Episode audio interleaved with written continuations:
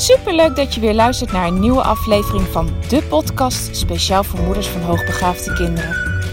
Mijn naam is Eveline Noordzij en in deze podcast deel ik tips en inspiratie, zodat jij meer en meer in jezelf gaat geloven en durft te vertrouwen op je intuïtie.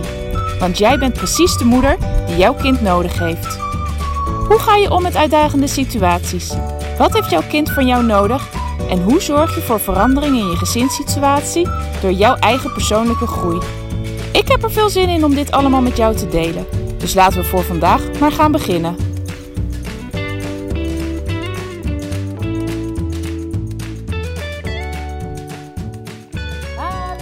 Lieve. Fijn dat je er weer bent. Dat je weer wil luisteren naar deze podcast. We zijn nu de afgelopen dagen op het eiland Kurk geweest voor de kust van Kroatië. En we zijn hier op een camping en we hebben een aantal dingen in de omgeving gedaan. We zijn ook wat dagen lekker hier op de camping gebleven. Gewoon even lekker tot rust komen. En wat ik heb gemerkt de afgelopen dagen is dat kinderen heel makkelijk zijn. En dat in de zin van makkelijk dat het mij af en toe echt wel gewoon irriteert.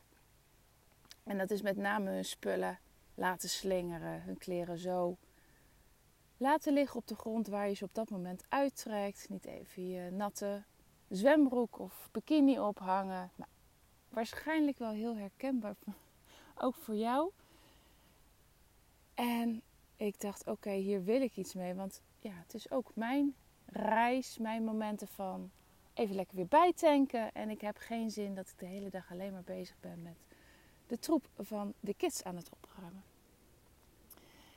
Ik ben weer even bij mezelf nagegaan van ja, wat is dit nu eigenlijk? Hoe komt dit? Nou ja, ik heb ze gewoon de afgelopen tijd weer veel te veel verwend. Daar komt het uiteindelijk gewoon op neer. Ik heb veel te veel van ze overgenomen.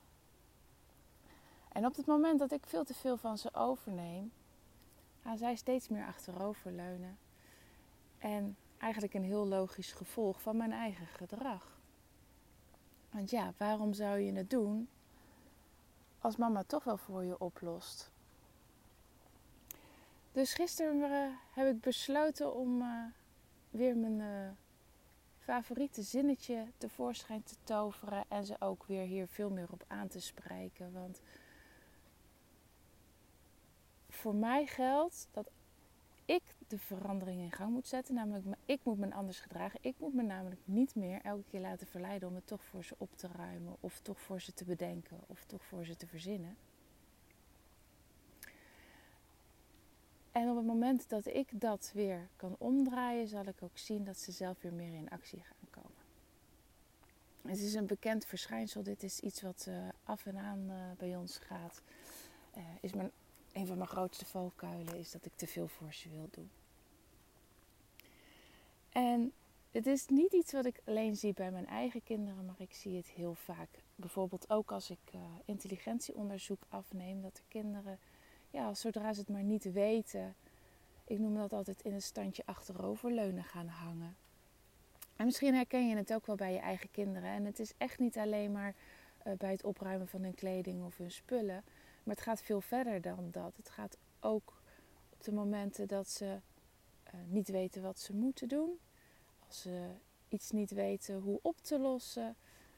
Uh, nou, als ik een intelligentieonderzoek afneem, zijn het bij de kinderen die die niet direct het antwoord weten en dan eigenlijk het te veel moeite vinden om zelf even na te denken hoe je daar dan alsnog kan komen.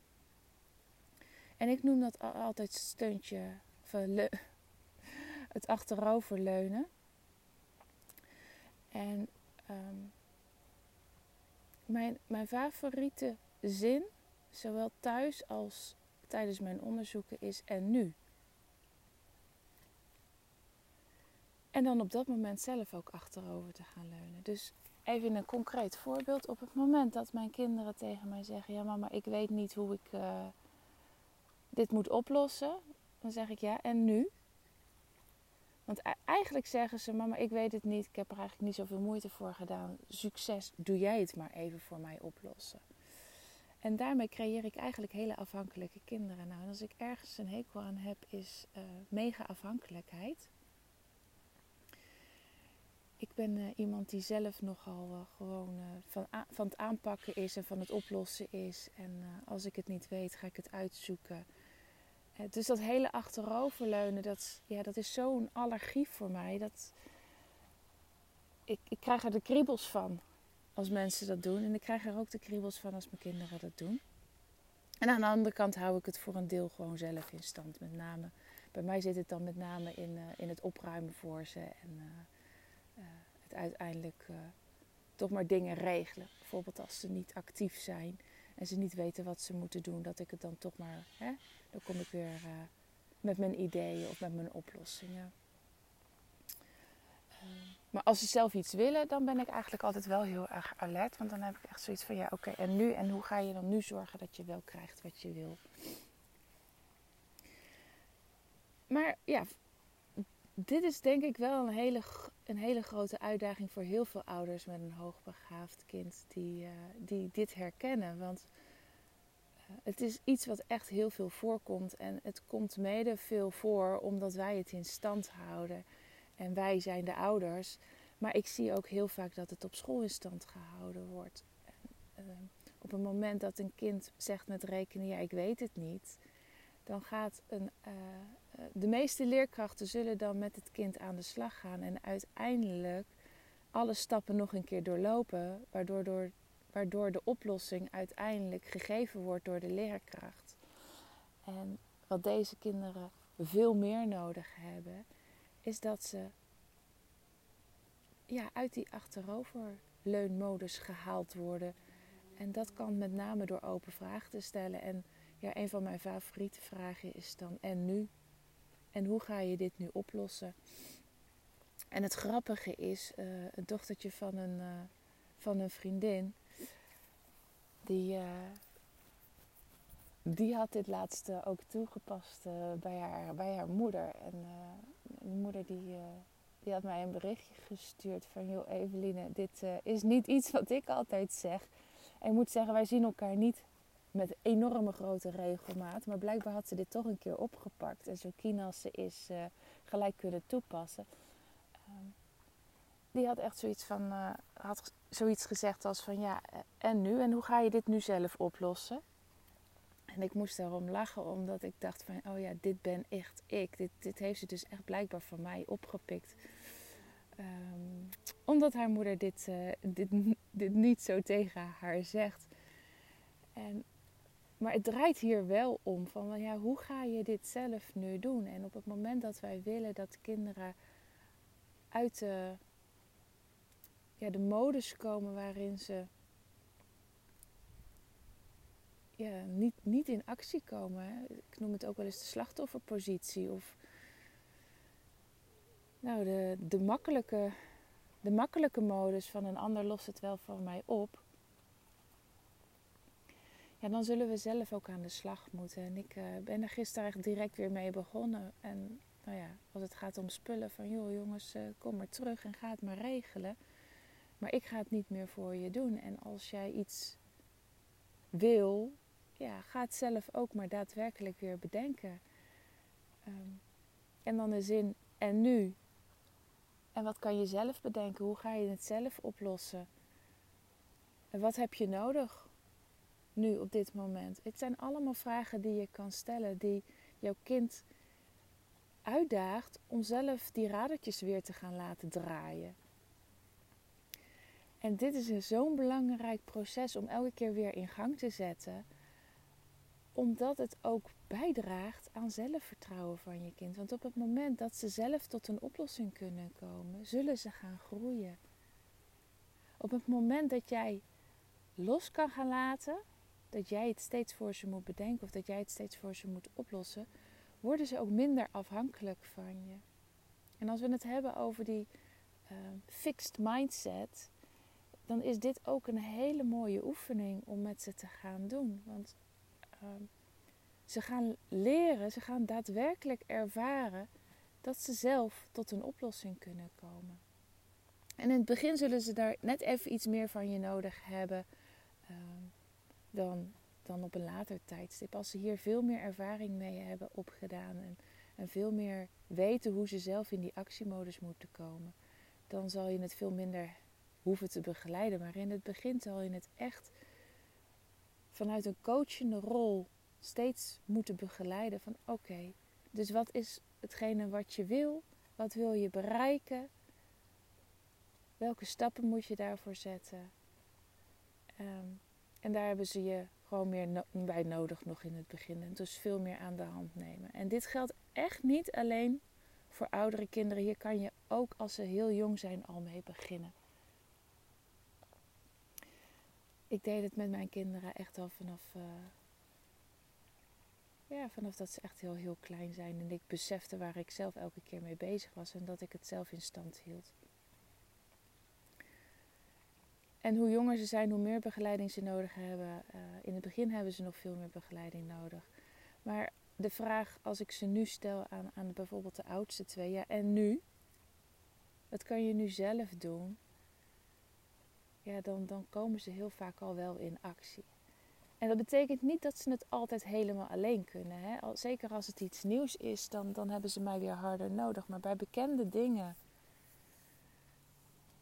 ja, dan, uh, dan, dan kunnen ze het wel. Dus het is simpel van, uh, uh, mam, um, ik wil bijvoorbeeld suppen. We hebben een sup hier. dat is natuurlijk een prachtig, prachtig land om met regelmatig sup... hoe noem je dat? Ja, even te gaan suppen.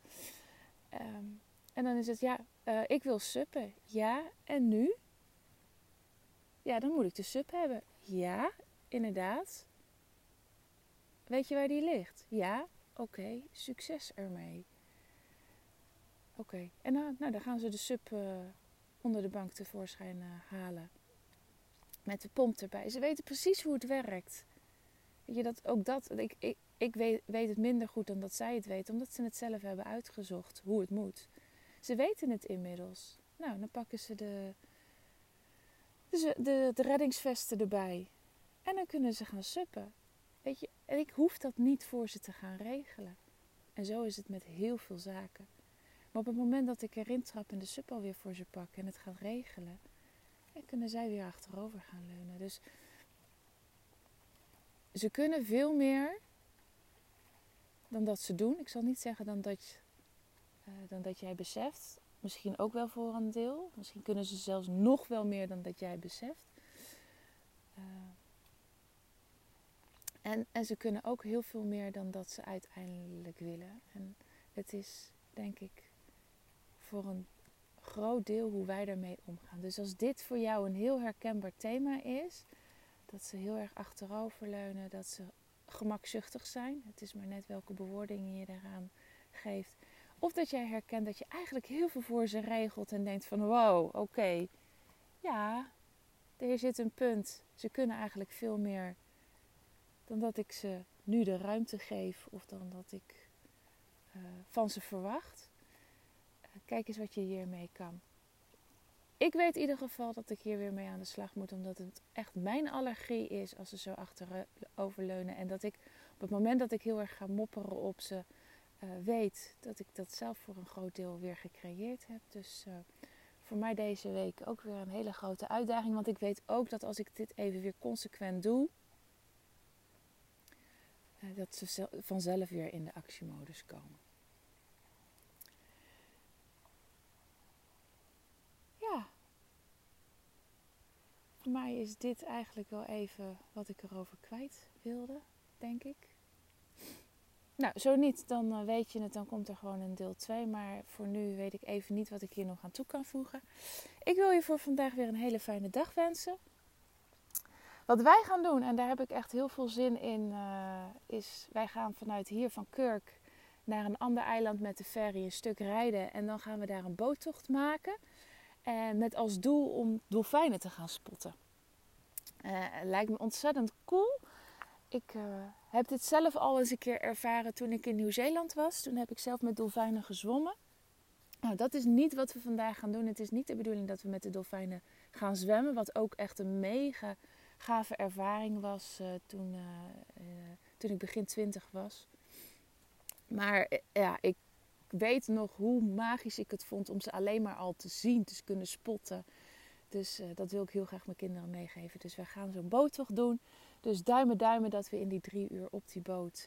Nou ja, ten eerste dat ik die boot zelf, die boottocht heel goed trek. Want het is niet mijn favoriete bezigheid op een boot zitten. Dat de zee een beetje kalm blijft.